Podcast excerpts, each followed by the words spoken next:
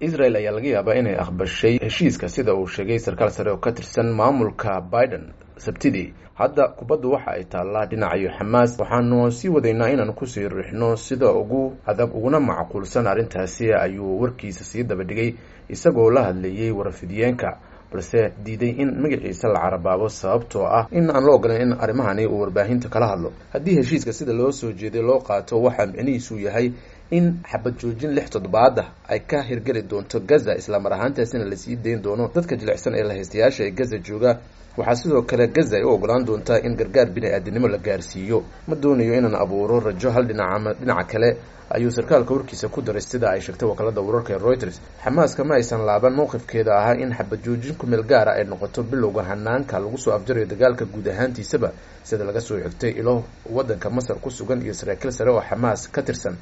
wakaalada wararka faransiiska ayaa sheegtay subaxnimadii axadda in sarkaal sare oo ka tirsan xamaas uu sheegay in xabad ay suuragal tahay labaatan afar ilaa iyo siddeed afartan saacadood gudahood. Haddii israel ay ogolaato dalabaadka xamaas oo ay ka mid yihiin in falastiiniyiinta ka barakacay waqooyiga gaza ay dib ugu soo laabtaan iyo kordhinta gargaarka bini-aadinimo taasi waxay dhabaha u xaari doontaa heshiis xabad afar labaatan ilaa iyo siddeed afartan saacadood gudahood. Ayay a b ka soo xigtay sarkaalkan dhexdhexaadiyaasha waxa ay sheegeen inay rajeynayaan xabad joojin ka hor bisha barakeysan ee ramadaan ee soonka oo bilaabmi doonta march tobankeeda ama kow iyo tobankeeda sida la rajeynayo